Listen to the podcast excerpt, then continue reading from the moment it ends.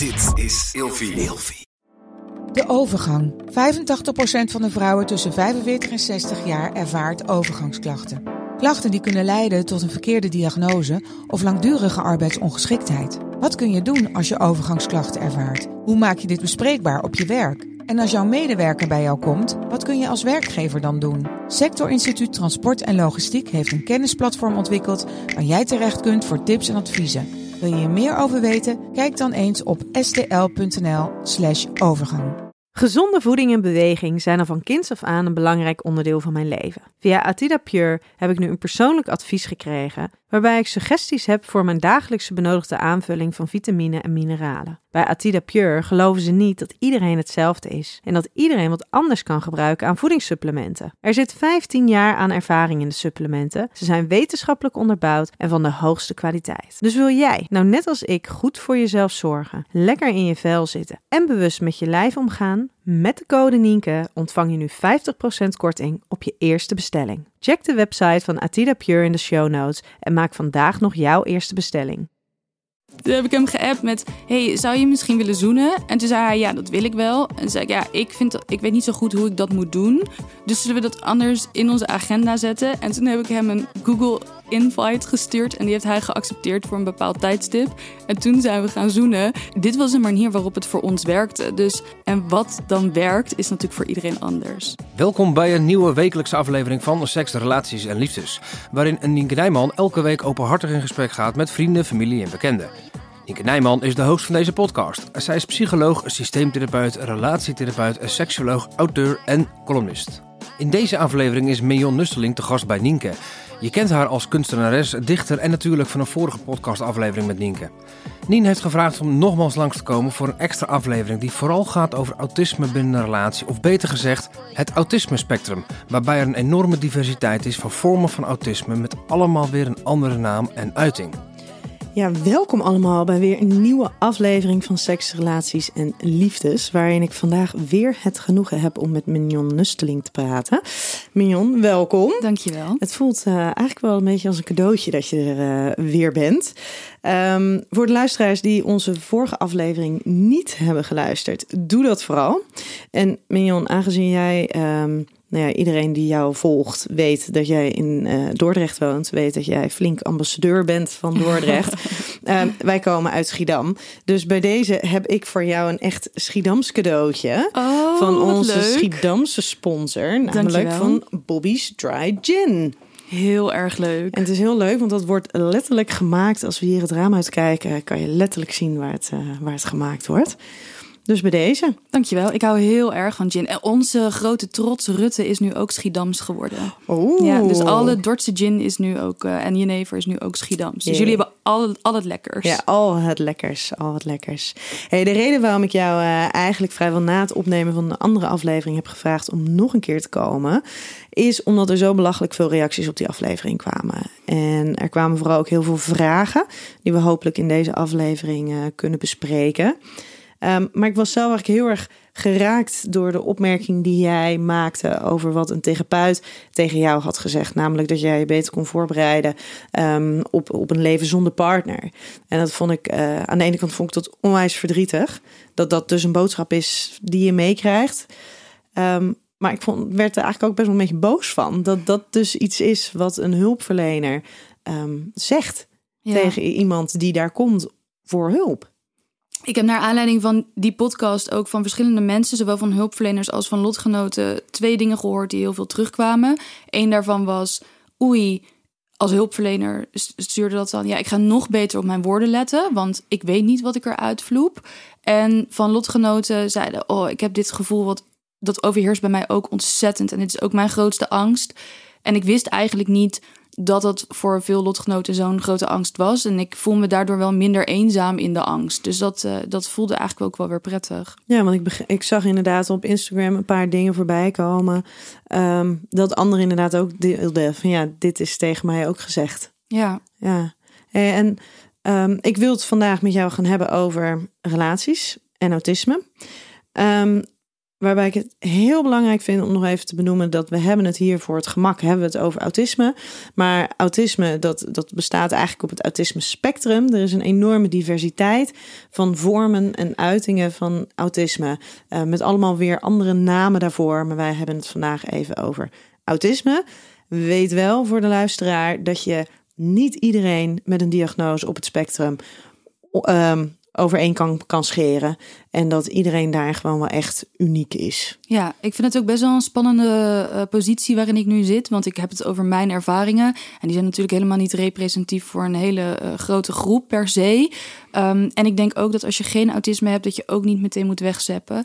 Want het, het is eigenlijk, denk ik wel misschien inspirerend of leerzaam of herkenbaar voor iedereen die moeite heeft met informatie of prikkelverwerking. En ik heb wel het gevoel dat door de pandemie iedereen een soort prikkeltechnisch gereset is en opeens niet meer zo goed tegen de supermarkt kan en zo. Dus uh, nou, wie weet heb je er sowieso iets aan. Ja, want jij zei net al eventjes dat jij Um, jij hebt excuses gekregen van mensen die nu beter begrijpen hoe, ja. hoe bij jou die hele prikkelverwerking zit. Ja, Echt hele extraverte mensen die van feestje naar feestje gingen, die het nu moeilijk vinden om naar de supermarkt te gaan, omdat ze zo gewend zijn aan de veiligheid van hun eigen huis en ook de rust daarvan, dat ze nu bijvoorbeeld zeggen: ja, sorry dat ik je toch heb meegesleurd naar een feestje, of sorry dat ik heb gezegd dat je je er maar even overheen moest zetten. Ja, nou, dat is toch wel mooi dat dat daar dan weer uh, uit voortkomt.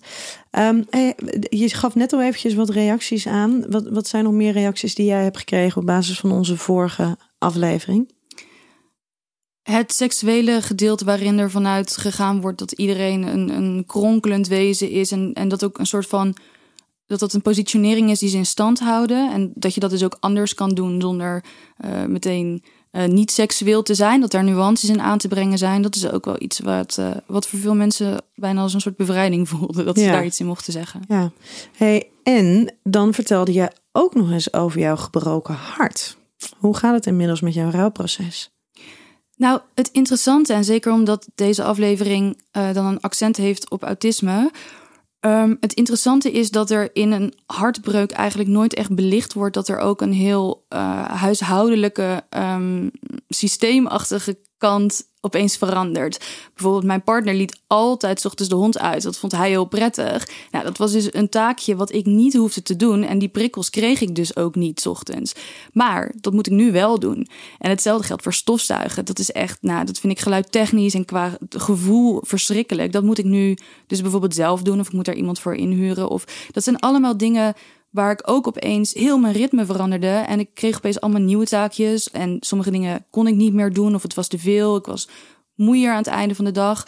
Dus dat is ook nog iets waar heel veel energie naartoe ging in een bepaalde fase. Waardoor ik nu het gevoel heb dat ik dat allemaal een plekje heb gegeven. En dat ik nu weer meer om het emotionele uh, ja, dat ik dat aan het verwerken ben. Dus dat gaat in verschillende stadia. Ja, want je bent niet zozeer dus bezig. Je hebt niet zozeer de ruimte gehad om met het emotionele aspect uh, nee, aan de slag te gaan. In het begin heel erg in een piek. En toen overviel me dus het, het veranderen van mijn ritme. En nu ben ik weer wat meer terug naar die emotie. Ja, en je kunstwerk is af? Ja, het, het, het, kleine sculptuur is af, maar ik vond het zo fijn om mijn werk over te maken dat ik nu een heel grote aan het maken ben. En uh, daar heb ik ook een lasser voor gevraagd om daar een frame. Ja, het wordt echt fantastisch groot en uh, ik ben er trots op. Ah, ik ben heel benieuwd hoe dat, uh, hoe dat gaat worden. en Mion, waarom vind jij het belangrijk dat we het hier vandaag over hebben? Ik vind het belangrijk dat je over alles communiceert waar ook maar iets van is in de wereld. En dat het te vinden is, ook voor mensen die er weet ik veel mee zitten of uh, die er graag meer over willen leren. Dus ik vind het belangrijk dat, dat het er is om daar naar te luisteren en dat we zo allemaal een beetje meer elkaar begrijpen. Ja. En aan de hand van vijf stellingen wil ik heel graag uh, uh, dit gesprek gaan beginnen en vormgeven. Maar voordat ik die aan je voorleg, wil ik graag aan de luisteraar vragen om je te abonneren op deze podcast Seks, Relaties en Liefdes, zodat je nooit meer een aflevering hoeft te missen. En wil je deze aflevering nou delen op social media, schroom dan vooral niet. Ben je er klaar voor? Ja. Nou, ik zei net dat ik vijf stellingen heb, maar ik heb er stiekem zes. Want we hebben, uh, ik heb best wel wat input gekregen voor, uh, voor deze uh, aflevering. Um, dus ja, ik heb er zes van gemaakt. Um, autisme en liefde gaan niet samen. Nou, dat is natuurlijk te stellig. Ehm, autisme en aandachtige liefde gaan heel goed samen. En wat, is, wat, wat omschrijf jij dan als aandachtige liefde? Dat je aandacht moet besteden aan de liefde en dat de liefde. Mm, dat je aandacht moet besteden naar, naar liefde als fenomeen en naar elkaar. En dat, je, dat het misschien allemaal niet zo vanzelf gaat, eh, maar dat het zeker wel samen kan gaan. Ja. Maar dat vind ik wel mooi, want dat het, dat het niet vanzelf gaat. In mijn beleving ga, heeft de, aan, de liefde altijd aandacht nodig.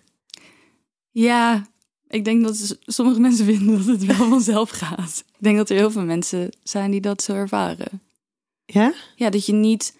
Ja, misschien ben ik dan te onduidelijk, maar ik heb wel een soort evaluatiemomenten nodig of zo, dat soort dingen. Ik denk niet dat mensen dat van tevoren al inplannen, veel vaker pas als het al mis aan het gaan is of zo. Ja, nou ja, nu heb ik natuurlijk het boek De Relatie APK geschreven.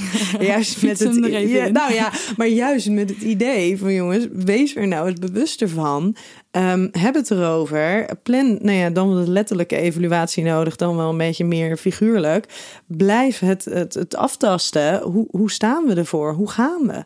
Ja. Is dat dan iets wat, wat ehm, nou ja, iets wat we van jullie kunnen leren? Ehm, nou, ja. Ik weet ook niet of iedereen met autisme dat ook durft te vragen hoor. En, al, en ook zo doet en weet dat, dat, dat ze dat misschien nodig hebben om, om dat in te plannen. Ehm, er zijn wel misschien andere dingen die ik eerder zou zeggen. Nou, daar, daar kunnen mensen zonder die, eh, dat neurotype iets van leren. En dat is bijvoorbeeld echt eerlijkheid en duidelijkheid. Ja, maar, maar gaat, is dat misschien ook waarom eh, autisme en liefde soms wat, wat, wat lastiger is? Om, omdat er juist die eerlijkheid en die duidelijkheid is. Ja, het is natuurlijk een hele eh, open vraag die. Nou, tenminste, het is een gesloten stelling, maar een heel een brede eh, stelling die eigenlijk geen einde kent. Omdat ik denk nu opeens aan dat ik een keer ging daten met iemand. Mm, en hij was ook een beetje sociaal teruggetrokken. Dus wij hebben denk ik tien keer ergens gegeten. En nog steeds geen fysieke affectie of wat dan ook gehad. En toen had ik hem dus ook eh gewhatsappt met... Hey, zou... Iedereen heeft me hier om uitgelachen, dus... Toen heb ik hem geappt met... Hey, zou je misschien willen zoenen? En toen zei hij, ja, dat wil ik wel. En zei ik, ja, ik, vind ik weet niet zo goed hoe ik dat moet doen. eh, Vanuit mezelf. Dus zullen we dat anders in onze agenda zetten? En toen heb ik hem een Google invite gestuurd. En die heeft hij geaccepteerd voor een bepaald tijdstip. En toen zijn we gaan zoenen. En als ik dit vertel, dan zijn er dus mensen die grappen. Ja, dat gaat niet samen. Maar dit was een manier waarop het voor ons werkte. Dus ehm, de stelling is te, genu- te ongenuanceerd. Eh, en wat dan werkt, is natuurlijk voor iedereen anders. Ja, ik vind hem wel heel mooi. Als je hem ook zo werkend kan maken. Ja, dat werkt ook niet bij iedereen. Dat is natuurlijk ook omdat hij eh, het ook lastig vond. Ja. Kan jij liefde voelen? Eh, ja, ik voel dat chemisch als biologische reactie voel ik dat. Ja, En, en denk je dat jij dat anders voelt dan hoe ik dat bijvoorbeeld zou voelen? Mm, ik denk dat wel ieder mens dat anders voelt. Maar ik ben sensorisch sowieso wel anders. Als ik bijvoorbeeld eh, muziek luister met een koptelefoon die helemaal is afgesloten, dan voel ik de kou niet, bijvoorbeeld. Of als ik eh, als de muziek te hard staat, dan proef ik niet wat ik eet. Dus mm, In ik, de sensorische integratie zit daar dan ja, iets. het lijkt wel alsof ik kan. niet- Ik weet niet zo goed hoe, hoe dat precies werkt hoor, psychologisch. Maar ik, het voelt alsof ik eigenlijk maar één zintuig volledig tegelijk kan gebruiken of zo. Eh, dus ja, ik denk wel dat het anders voelt. Maar ik denk dat eh, tussen mensen zonder diagnose of een ander neurotype dat ook anders voelen. Ja. Ja. We gaan naar de volgende. Een relatie zal altijd uitdagender zijn wanneer iemand autisme heeft.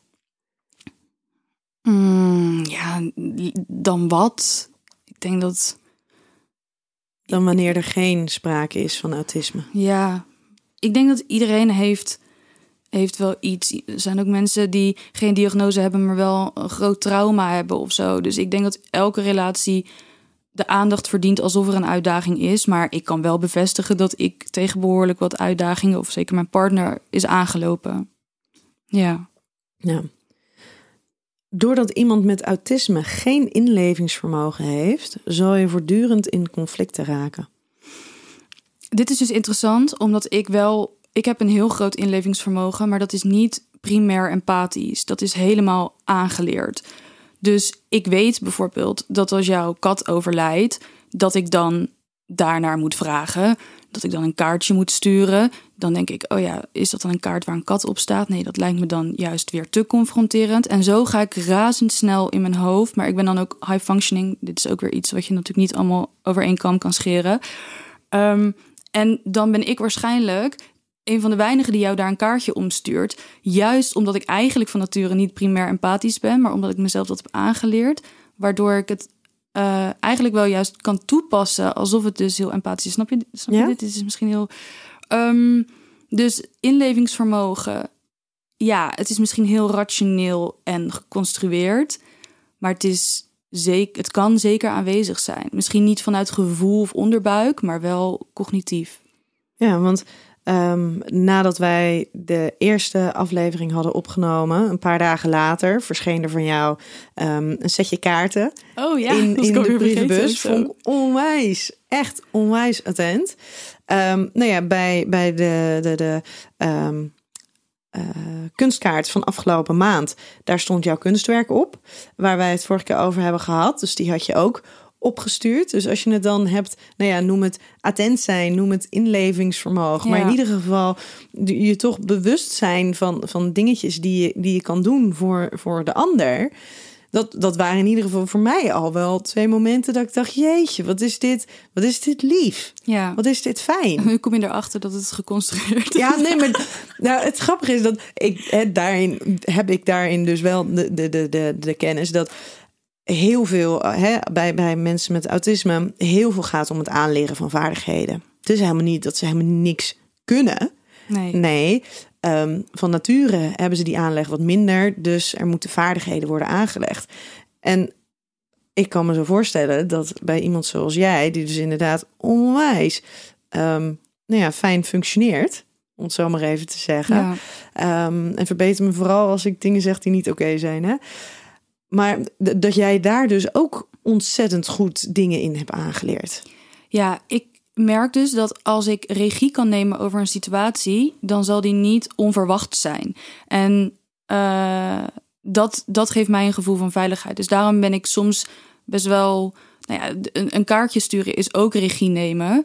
Mm, maar ik ben soms ook uh, assertiever dan misschien primair in mijn uh, karakter zit. Omdat ik dan weet, als ik het regel, dan, dan, dan heb ik de regie en dan weet ik dat, dat ik eraan kan voldoen, bijvoorbeeld. Dus ja, dat, ja. En dan lijkt het dus misschien dat je heel erg assertief bent of heel erg met mensen begaan bent omdat je dingen wil regelen. Maar dat is misschien in eerste instantie meer voor een gevoel van controle voor jezelf ja. en veiligheid. Ja, mooi hoe dat werkt. Ja, maar ik kan me ook voorstellen dat het heel veel energie kost. Want je bent continu ben je aan, je bent continu ben je bezig. Ja, ik ben ook echt wel. Uh, ik, zit bijvoorbeeld elke dag, nou laten we zeggen, ik stop. Ik ga om tien uur s ochtends werken. Ik ben wel heel, heel vroeg wakker, maar ik ga pas om tien uur werken. Dan stop ik vaak om drie uur en dan uh, blijf ik thuis en binnen totdat ik ga slapen. Ik laat de hond wel uit. Ik ga naar, nog naar de natuur, maar ik, ik werk gewoon niet langer dan dat. En um, ik gebruik ook geen beeldschermen meer, bijvoorbeeld. Dus ik moet ook echt mijn energie verdelen. Maar nu klinkt het net alsof ik dit allemaal... Heel, dit heb ik echt moeten leren over de jaren. Hè? Dus als je nu luistert je denkt... wow, daar ga ik nooit komen. Dat dacht ik ook. En dat kost ook heel veel tijd en heel veel aandacht... en ook heel veel tranen en ook heel veel vrienden. En het, is echt heel lastig. Maar uh, ja, je kunt het wel leren... maar je moet wel weten hoe je je energie verdeelt. Ja. Um, Fysieke aanraking is lastig te verdragen bij iemand met autisme en daardoor is er minder intimiteit binnen de relatie. Hmm, dat vind ik lastig, hmm, omdat er zijn ook mensen met autisme die juist aanraking heel prettig vinden. Ik merk bijvoorbeeld aan mezelf dat ik niet zo van strelen hou en meer van druk, bijvoorbeeld. Dus ik vind het prettiger als iemand me heel stevig knuffelt dan me heel lang streelt of zo. En ik denk dat dat ook in tijdens seks uh, wel zo is. Ik hou wel meer van druk en stevig dan van glibberig en eh, zacht of zo. Ehm, dus ik denk dat je hier heel erg, als je van doen hebt met seks of knuffelen of vozen in welke zin dan ook met iemand met autisme, dat je heel erg moet vragen naar de behoeften van deze persoon. Sommige mensen willen inderdaad niet aangeraakt worden of alleen op de momenten dat zij het kiezen. Andere mensen vinden het juist heel prettig. Ik ben uh, best wel clingy naar mijn partner uh, in bijvoorbeeld sociale situaties ben ik heel graag naast diegene om de warmte te kunnen voelen, omdat dat dan een soort van nulmeting is waar ik ben in de ruimte of zo. Dus ja, ik ben heel knuffelig en eigenlijk best wel fysiek aanhankelijk van mijn partner. Uh, maar de buurman een hand geven vind ik verschrikkelijk, bijvoorbeeld. Dus ja, dat is, dat is zo uh, persoonlijk. Maar er zit wel iets wat je moet vragen en onderzoeken. Ja, en als, je, als jij dan bijvoorbeeld wel die warmte wil voelen, hè, dus dan heb je het als je het over je zintuigen hebt, dan heb je dus dat je bent dan aan het voelen. Um, kan jij dan, merk je dan ook dat je dus andere dingen niet goed meer waar kan nemen? Ja, dat is heel veilig. Ja. Omdat je dan echt in je kokonnetje zit. Ja. Ah. Ja. En iemand stelde mij een keer de vraag: als je knuffelt, knuffel jij jezelf of knuffel jij de ander? En eh, nou, daar ben ik nog steeds over na aan denken, al twee jaar of zo. Omdat het kent zoveel verschillende opvattingen en zo. Maar ik merk wel dat ik dus heel vaak het lichaam van mijn partner gebruik om mezelf te knuffelen. Om dus, ja, het is gewoon regulatie om, om, ja, om even de wereld dan aan te kunnen of zo. Ja. Dus dan knuffel ik mezelf. En voor degene die hier zich niet een hele goede voorstelling bij kunnen maken, um, wij we werken ook wel eens met een oefening dat je bijvoorbeeld je partner um, zijn, zijn hand moet strelen. En dat kan dus ook als het een hand is gewoon van een vriend of een vriendin zijn. Um, en dat je dus echt verschil hebt in hoe je de ander aanraakt. Of je de ander aanraakt omdat jij dat voor de ander wil doen. Of dat je de ander aanraakt voor jezelf. En dat het dus voor jezelf prettig voelt. En dat daar echt een enorm verschil in zit in hoe je de ander aanraakt. Grappig, Ja. ik over nadenken. Ja. Ik heb nu alleen een hond om te aaien, maar... Nee, maar zelfs de hond. Want als Ja, jij, tuurlijk, als jij met de hond knuffelt, ehm, doe je dat voor jezelf of doe je dat ehm, voor je hond? Ook als je een kind hebt. Ik betrap me er zelf heel vaak op dat mijn kind kan geen kant op hoor. En ik snuffel aan hem en ik kriebel hem. Ehm, en dat doe ik dan voor mijn eigen plezier. Terwijl vanochtend keert hij zich met zijn ruggetje naar me toe en zegt hij: Wil je alsjeblieft even kriebelen? Dan doe ik het voor hem. Maar 9 van de hand 10 keer doe ik het voor Ja. mezelf. Ja, dat is zo, ja. En dat is natuurlijk ook in, in volwassen partnerrelaties. Ja. Volgende. Humor binnen een relatie is essentieel. En dat is iets wat mensen met autisme maar lastig vinden. De allergrappigste mensen die ik ken hebben een diagnose autisme. Ja? Ja. Echt. Nou, de, de En hebben ze door, van, hebben ze van door dat ze grappig zijn? Ehm, ja, soms wel, soms niet. Wat namelijk is, kijk, maar dit is ook weer een, een meisje met echt hoog functionerend autisme, maar zij construeert dus ook haar grap, gebruikt ingrediënten waarvan ze weet dat ze grappig zijn. Dus soms duurt het wat langer voordat de grap eruit komt, maar ehm, ja. Ja, zij weet op, op zulke momenten wel dat ze grappig is. Maar dat klinkt dan een beetje alsof ze een soort van de formule van een goede grap weet. Ja, En daar dus de elementen Maar van dat weet bij ik ook wel. zoekt. Ja? ja, Oh, wauw. Ik zou het je niet kunnen vertellen. Ja. Ehm, ja, ik kan nu natuurlijk niet al mijn geheimen gaan prijsgeven. Hoeft ook niet. Hoeft ook niet. Maar de- de- het, het zijn in jouw beleving zijn wel echt de grappigste mensen die hebben dus een, een, een diagnose.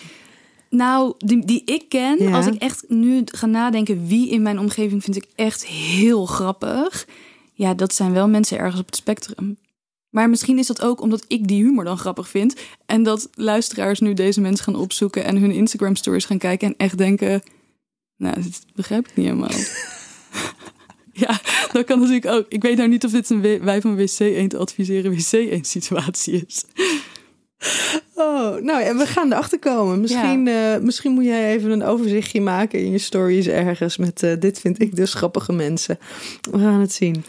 Ehm, maar, maar is dat dan trouwens wel een... Want een van de dingen die dus worden, wordt gezegd met mensen met een diagnose... eh, is bijvoorbeeld dat zij ehm, dingen heel letterlijk nemen. En Ja. daardoor grapjes niet als grappig kunnen interpreteren.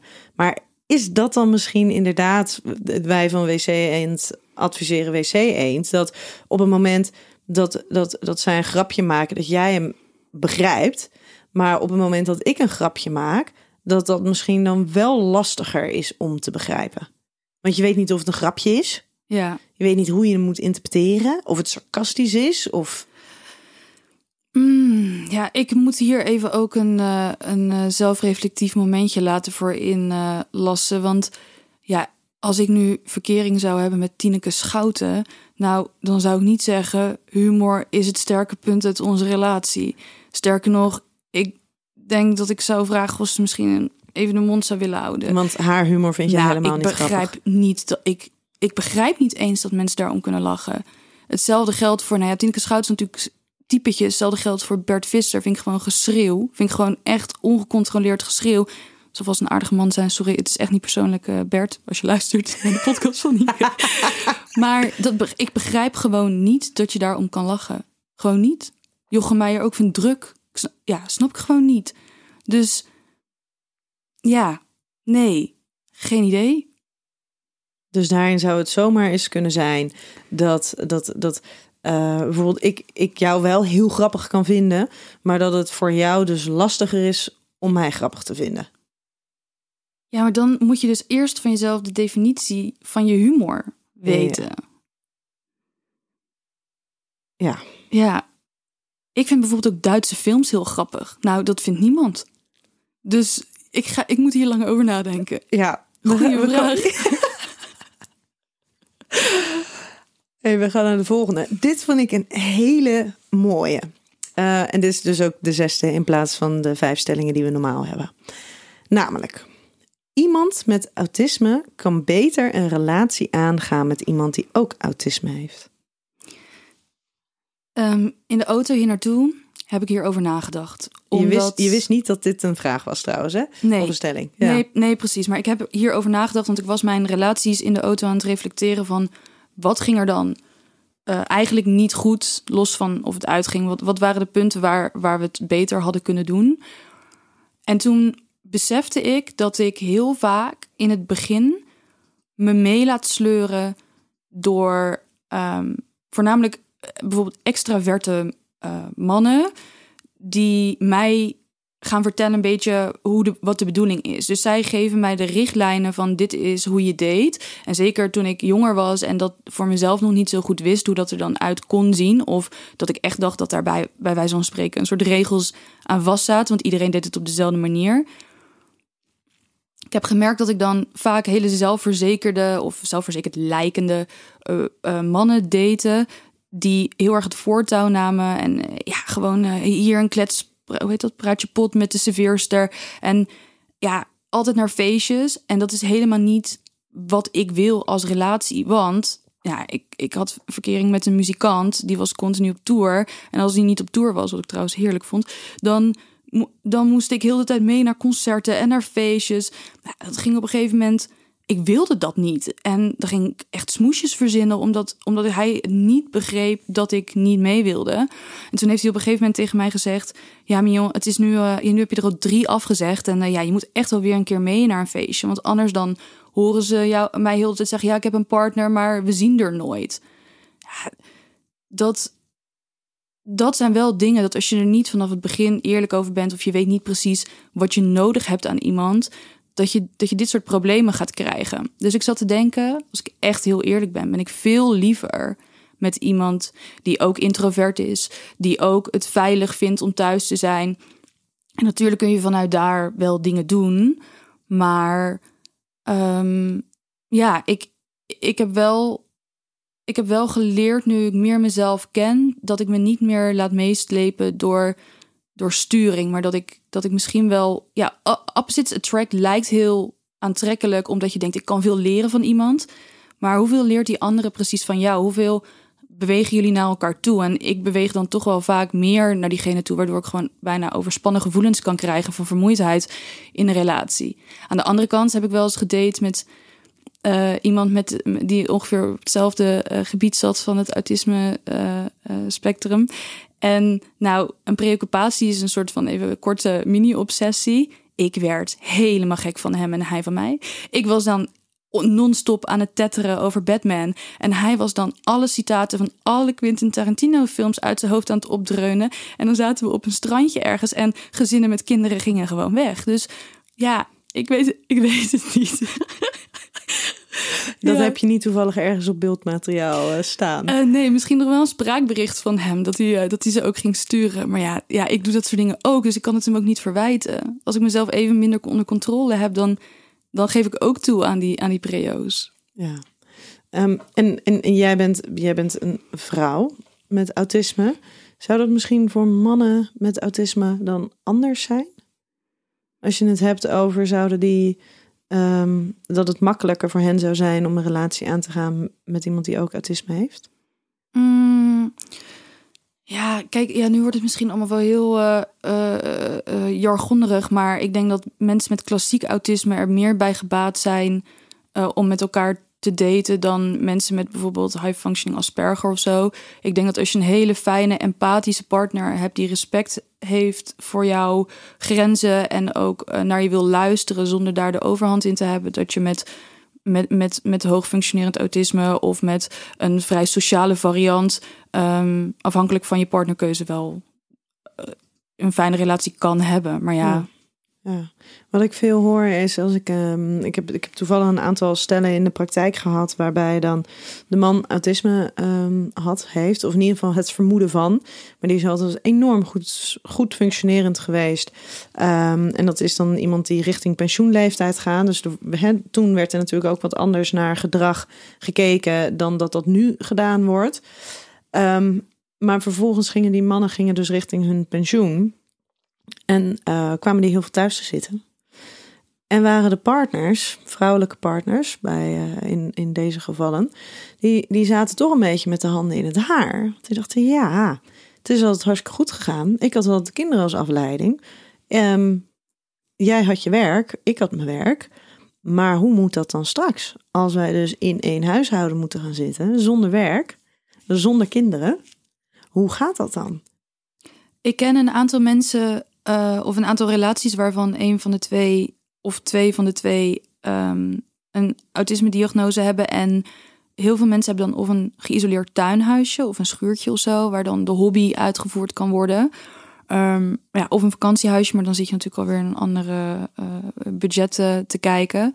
Eh, of allemaal een eigen kamer in huis. Dus ja, ik denk wel dat het handig is voordat de bom barst om al aan te geven welke behoeftes je hebt om bijvoorbeeld alleen te zijn, maar ook om eh, eh, herrie te maken. Ik, eh, het grappige meisje waar ik het net over heb, die heeft echt dat, die, die automotoriek noemen we dat. Ja, die stoot alles om, die maakt overal lawaai. Ja, die, die moet gewoon echt een kamer met vloerbedekking hebben, anders wordt, worden, worden haar huisgenoten ook krankjoren. Ja, en, en kan jij dan nog wat met ehm, dat zo'n vrouw dan toch behoefte krijgt aan meer samentijd, aan Oh, meer zo. intimiteit? Oké. Nee, ook jouw kant, wat jij net belichtte, maar Nou, dat, dat probleem heb ik zelf ook wel gehad in een relatie. Dat als ik overprikkeld ben, dan heb ik echt geen zin om nog samen lekker gezellig iets te doen of zo.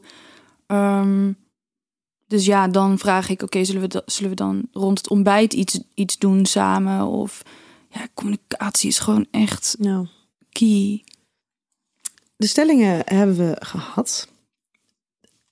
En ik ben heel benieuwd of jij vindt dat je altijd moet vertellen dat je een diagnose hebt als je aan het daten bent. Hmm, ja, waar date je voor? Als je date voor een relatie, dan lijkt me dat wel praktisch. Als je date in de hoop dat je daar. Eh, eh, ja, ik weet niet als het kortstondig is of alleen fysiek of wat dan ook. Ja, ik, daar ga ik echt. Ik vind sowieso dat ik daar niet over mag oordelen. Maar ik vind het wel chic, want ik date eigenlijk alleen ehm, met, met een relatie als doel en eigenlijk niet om, eh, om andere redenen of kortere dingen. Ja, ik vertel het altijd wel. Het begint al bij de eerste date. Op het moment dat je gewoon eerlijk zegt van ik hou, ik kan niet tegen te veel informatie en niet tegen te veel prikkels.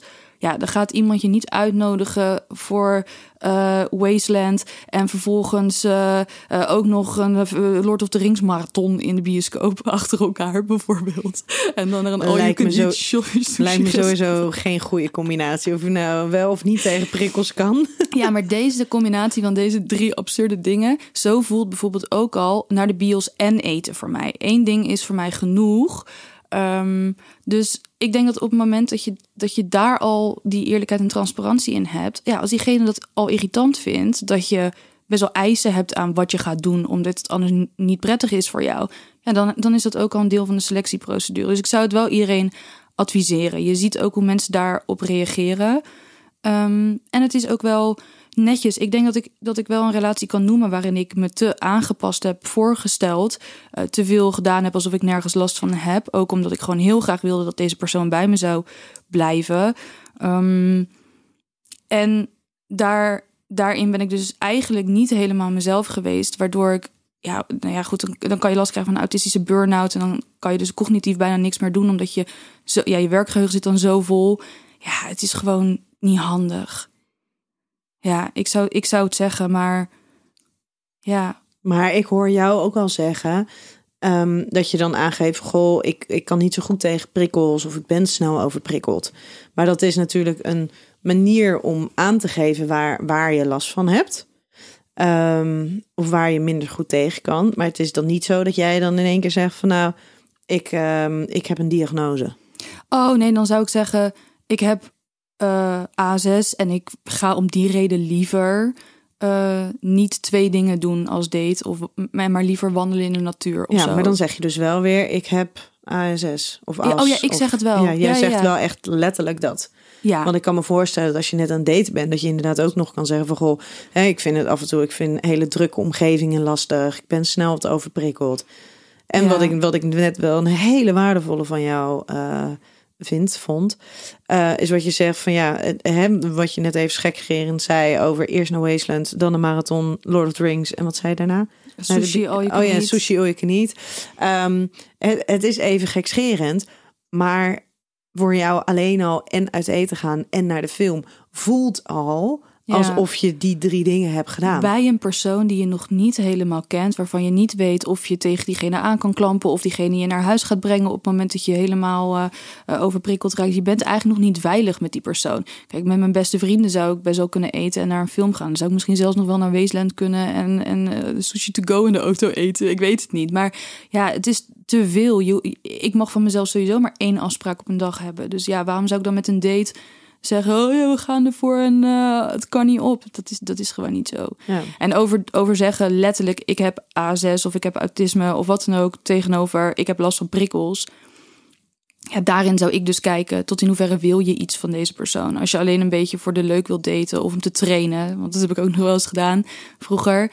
Ja, dan is het misschien anders. Maar als je echt een relatie met iemand wil, ja, ik, het, is, het is natuurlijk heel. Ik, ik, ik ga, vergeef mijn brutaliteit en misschien mijn te letterlijkheid, maar je zadelt iemand eigenlijk wel op met ook iets van jezelf waar diegene niet om gevraagd heeft. Ik vind wel dat je daar transparant over moet zijn. Ja. En daten mensen met, met autisme eh, vooral voor relaties of daten die ook gewoon voor de seks? Ja, weet ik niet. Ik denk dat als je. Je hebt ook prikkelzoekend autisme. eh, dat je, en je hebt ook mensen die zichzelf eh, nog willen leren kennen. Ja, dat ik denk. Het zijn net mensen natuurlijk. Ik denk dat er ook mensen met autisme zijn die bijvoorbeeld het, sen, het, het, het, het, ehm, het van, van seks ook heel prettig kunnen vinden, bijvoorbeeld. Dus ja. Die juist dat opzoeken. ja, dat denk ik wel dat dat er is. Ja. Ja, maar voor jou zelf niet. Maar dat Nee. heeft ook weer te maken met waar we natuurlijk in de vorige eh, podcast over hebben, Ja, hebben gesproken. Precies. Ja. Hoe belangrijk onderwerp moet ehm, ASS dan wel autisme zijn binnen een relatie? Kijk, het is niet dat je het aan of uit kan zetten. Dus er zal altijd. Je, je keuze zal er altijd door gemaakt worden. Of je wel iets doet of niet iets doet. Of ehm, er zal altijd. ehm, het zal er altijd zijn. Net als dat je, als je maar één voet hebt, dan zal dat er ook altijd zijn. Dat betekent niet dat de gesprekken altijd over het ontbreken van je voet gaan. Ehm, en wat ik in het verleden ook heb gedaan, waar, waar ik nu ook eigenlijk nog wel mee aan de slag ga. ehm, is dat ik, het, dat ik me er niet achter moet verschuilen. Dus ondanks dat ik mijn grenzen moet respecteren, ehm, wil ik wel uh, prettig zijn voor mijn partner. En wil ik niet zeggen: Oh ja, nou, ik ben overprikkeld, dus ik ga niet mee. Ik wil graag um, leren waarom het voor andere mensen zo belangrijk is dat ik bijvoorbeeld meega naar een verjaardag. En tot in hoeverre ik dan uh, daar wat empathischer naar kan worden of zo. Dus um, ja, ik denk niet, je moet niet elkaars hulpverlener worden. Je moet niet uh, het er alleen maar over hebben. Maar het, ja, je kan het ook niet uitzetten. Nee, want het is er wel. Ja. ja. En een van de dingen die, uh, die bij jou in ieder geval met een regelmaat uh, naar voren komt, dat is een stukje overprikkeling. Ja. Um, wat, wat houdt overprikkeling voor jou in?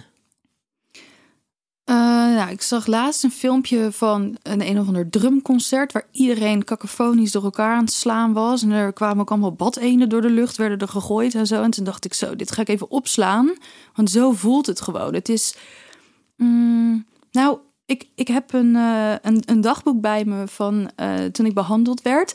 En daar moest ik, omdat ik, ja, dus misschien even wel een trigger warning voor een het is niet automutilatie, maar het lijkt er dan misschien wel te veel op voor mensen. Dus als je dat niet wil horen, dan mag je even doorspoelen.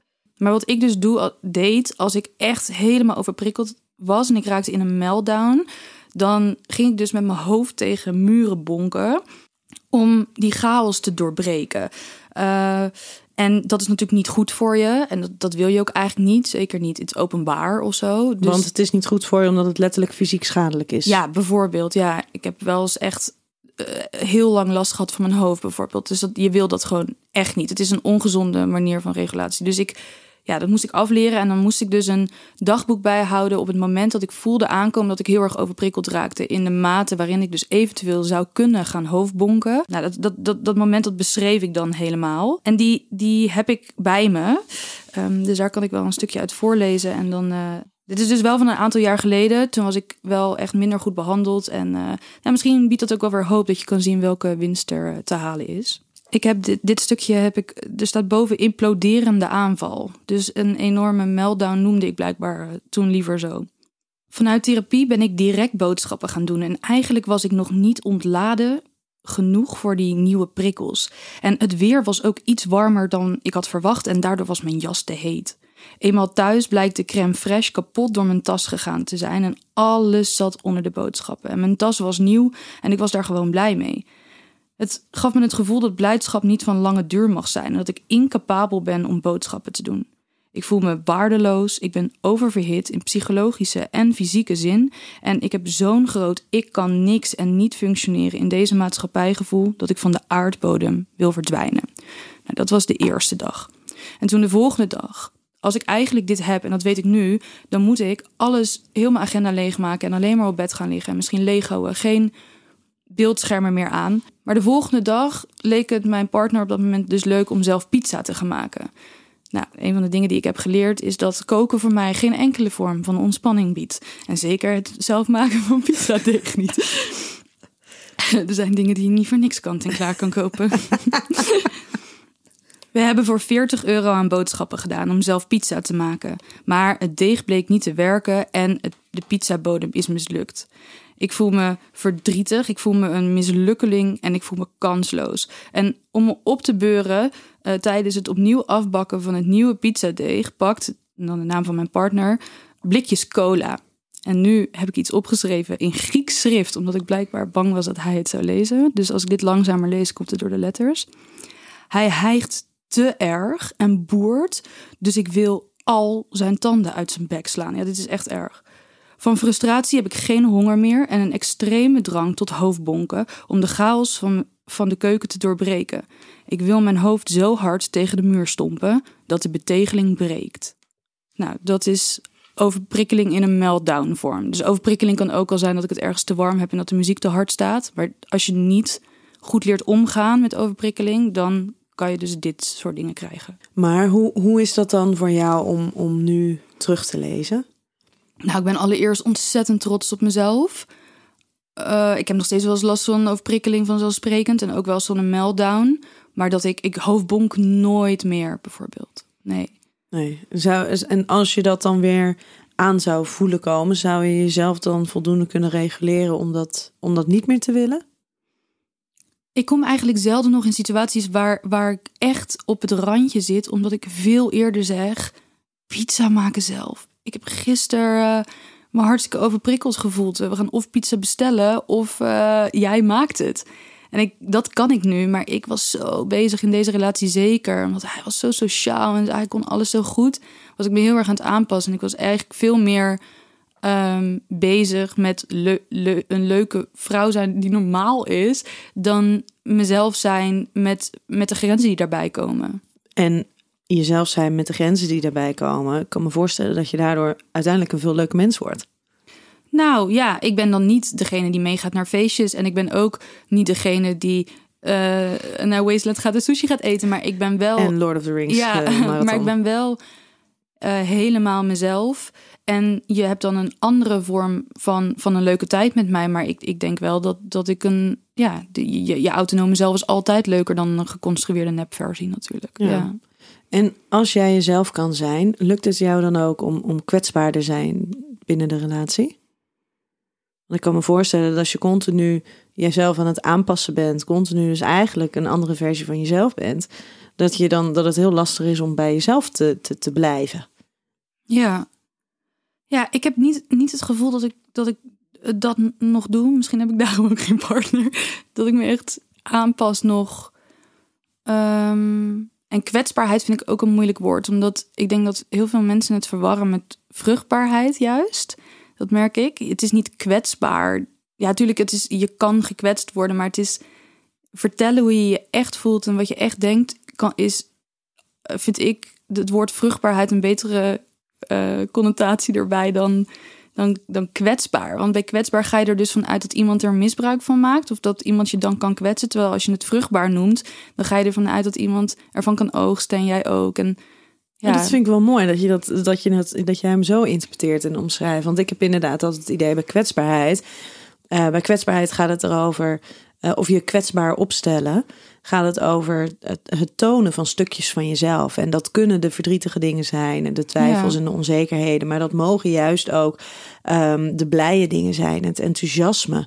He, want, want hoe vervelend is het dat als jij ergens heel hard om moet lachen en dat iemand anders zegt, nou, vind je dat nou echt grappig? Ja. Weet je, dat is minstens zo kwetsend als wanneer je aan het huilen bent en, en iemand die maakt daar misbruik van. Maar, maar kwetsbaarheid, ja, nu ga ik er dan heel taalkundig op in, maar ja. kwets, kwetsbaarheid, als, als het zowel vruchtbaar als kwetsbaar kan zijn, dan is het woord dus eigenlijk nog neutraal. En kwetsbaar is, heeft eigenlijk een negatievere connotatie. Dus ja, um, ja, ik, dan denk ik, ja. Moeten we daar geen ander woord voor verzinnen? Ja, het, het, het, het woord kwetsbaarheid. Uh, ja, een, een, een, een glas op het dak van een, van een Ferrari waarmee je gaat scheuren is kwetsbaar. Weet je wel, jij die je openstelt waar de ander iets aan heeft, vind ik hopelijk vruchtbaar. Ja, het is uiteindelijk vruchtbaar. Want, want je, hebt dat stuk, je hebt, je, je hebt een stukje kwetsbaarheid, heb je, als we dan wel even dat woord gebruiken, heb je nodig om verbinding te maken met een ander. En verbinding heb je nodig om een relatie tot stand te laten komen. Of ja. daar te laten zijn. Ik denk dat ik daarom, om deze reden, mijn um, soort van analyse van het woord kwetsbaar, dat ik daarom veel vaker het woord autonomie gebruik. Omdat ik dus deze connotatie niet prettig vind. Ja, maar autonomie, dat gaat um, ja, echt over, je, over jezelf. jezelf zijn. Ja. Maar dat is die, kwets, die kwetsbaarheid is eigenlijk niet meer dan laten zien wie je echt in je diepste essentie bent. Ja, maar het versterken van je autonomie hoeft nog niet te betekenen ook dat je dat ook durft te tonen. En misschien zit daar um, in het stukje kwetsbaarheid zit ook een vorm van daadwerkelijk dat te tonen wie je dan bent. Ik vind het wel interessant. Ik ben ook benieuwd hoe andere mensen hierover denken. Ja, ja ik wil niet, ik stuur ze niet naar jou uh, toe allemaal per se, maar ik vind het wel ook met een Neerlandicus of zo. Ik, ga, ik vind het echt heel interessant. Ik ga hier eens even langer over nadenken. Helemaal goed. Um, dan gaan wij gewoon uh, nog even door. Want je had het net ook alweer over communicatie. Dat communicatie zo belangrijk is. Um, nou, als je die stellingen, ik vond, ja, ik benoemde de stellingen al naar jou toe. En toen zei ik al, ja, als er nu allerlei dingen gaan borrelen, dat je denkt, ja, dit klopt niet en dit is niet zo. Nou, dat was ook een beetje de bedoeling. Um, hè, want ik denk dat er, dat er echt ehm, enorme gekleurde beelden zijn en, en ehm, vooroordelen zijn met mensen met een diagnose. En nogmaals, er is echt zo'n enorme diversiteit op dat hele spectrum. En je hebt inderdaad mensen met klassiek autisme, je hebt mensen die ontzettend goed functioneren. Ehm, maar een van de vooroordelen, denk ik ook wel, zit hem in de communicatievaardigheden en misschien wel het onvermogen van communiceren. Ja. Uh, of in ieder geval het onvermogen om op een sociaal wenselijke manier te communiceren. Wat zijn jouw ideeën daarover? Nou, het is eigenlijk grappig dat we net dit gesprek hadden over die taaldefinities. Want dan zie je dus tot in hoeverre er aannames en eigen gevoel zitten bij bepaalde woorden. En ik heb wel ervaren dat ik vaak dingen zonder heel veel um, opsmuk communiceer, bijvoorbeeld. Heel erg letterlijk. Maar dus ook blijkbaar heel erg vanuit hoe ze voor mij letterlijk betekenis hebben. Dus ik vind dat ik heel efficiënt communiceer. Maar mensen hebben meer nodig dan efficiënte communicatie. Ik heb wel eens teruggekregen uit de relatie waar ik net uh, over uh, uh, uit voorlas die zei echt tegen mij. Nou, toen was het al, we waren de relatie aan het afronden. En ik was heel efficiënt aan het communiceren over een aantal dingen die moesten gebeuren. Praktische dingen. Ja, en toen heeft hij echt tegen mij gezegd: Je kan toch wel iets liefdevoller taalgebruik toepassen. Wat ben jij een harteloze trut? Ja, dat, dat, dat, daar schrik ik dan ook wel weer van. Um, omdat ik dat niet vind rijmen met het gevoel wat ik over mezelf heb. Maar dat is dus wel wat taal en communicatie kan doen. Uh, wie moet er dan naar wie toe bewegen? Ja, vind ik moeilijk. Ja, maar ben jij er dan bewust van hoe jij overkomt? Nee, niet altijd. Nee. Ik hoor het wel vaak hoor. Ook zakelijk hoor ik dus dat ik uh, best wel kort af kan zijn. En dan lees ik het terug en dan denk ik, maar alles wat er gezegd moet worden staat er toch in. Maar ik begin niet elke e-mail als we al weken aan het mailen zijn met goedemorgen. Nee. Ja, de, dan maak ik me ook schuldig aan hoor. Ja, of uh, ja, misschien kunnen we eventueel van de week kijken hoe heb je volgende week tijd. Ja, het is totaal onpraktisch. Hoe meer informatie er is om te verwerken, des te meer er ook mis kan gaan. Dus ja, mensen moeten gewoon niet zo fijngevoelig doen. En gewoon, ja, als ik je niet in je gezicht sla, ben ik niet boos. Als ik dan niet zeg, goedemorgen schatje, is er niks aan de hand. Ja, nou ja, goed. Hier, ik merk dat ik me nu opwind. Ja, er zitten wat uh, frustraties. Kijk, als mensen zich rot voelen doordat ik niet liefdevol met opsmukwoorden communiceer, tot in hoeverre is dat eigenlijk mijn probleem? Dat, dat is helemaal de interpretatie, de vrije ruimte die die ander neemt om daar wat van te maken. Maar heb ik gezegd, ik vind jou stom? Nee, dan had ik dat wel gezegd. Is het een soort van geen, uh, geen bericht is goed bericht bij jou dan? Ja. Zolang ik niet daadwerkelijk zeg dat ik moeite met je heb, zolang ik niet daadwerkelijk zeg dat ik je vervelend vind, is er niks aan de hand. Nee. Nee. Kan jij in die zin beter communiceren met mensen met een diagnose dan zonder? Ja, absoluut. Ja. ja is dat misschien ook dat als je het hebt over zouden, uh, hoe, hoe zou dat in een relatie werken, dat dat dan misschien ook een van de voordelen is als je dus een relatie hebt met iemand die ook een diagnose heeft? Ja, en ik vind ook bijvoorbeeld mensen die A zeggen, maar B doen ook heel ingewikkeld.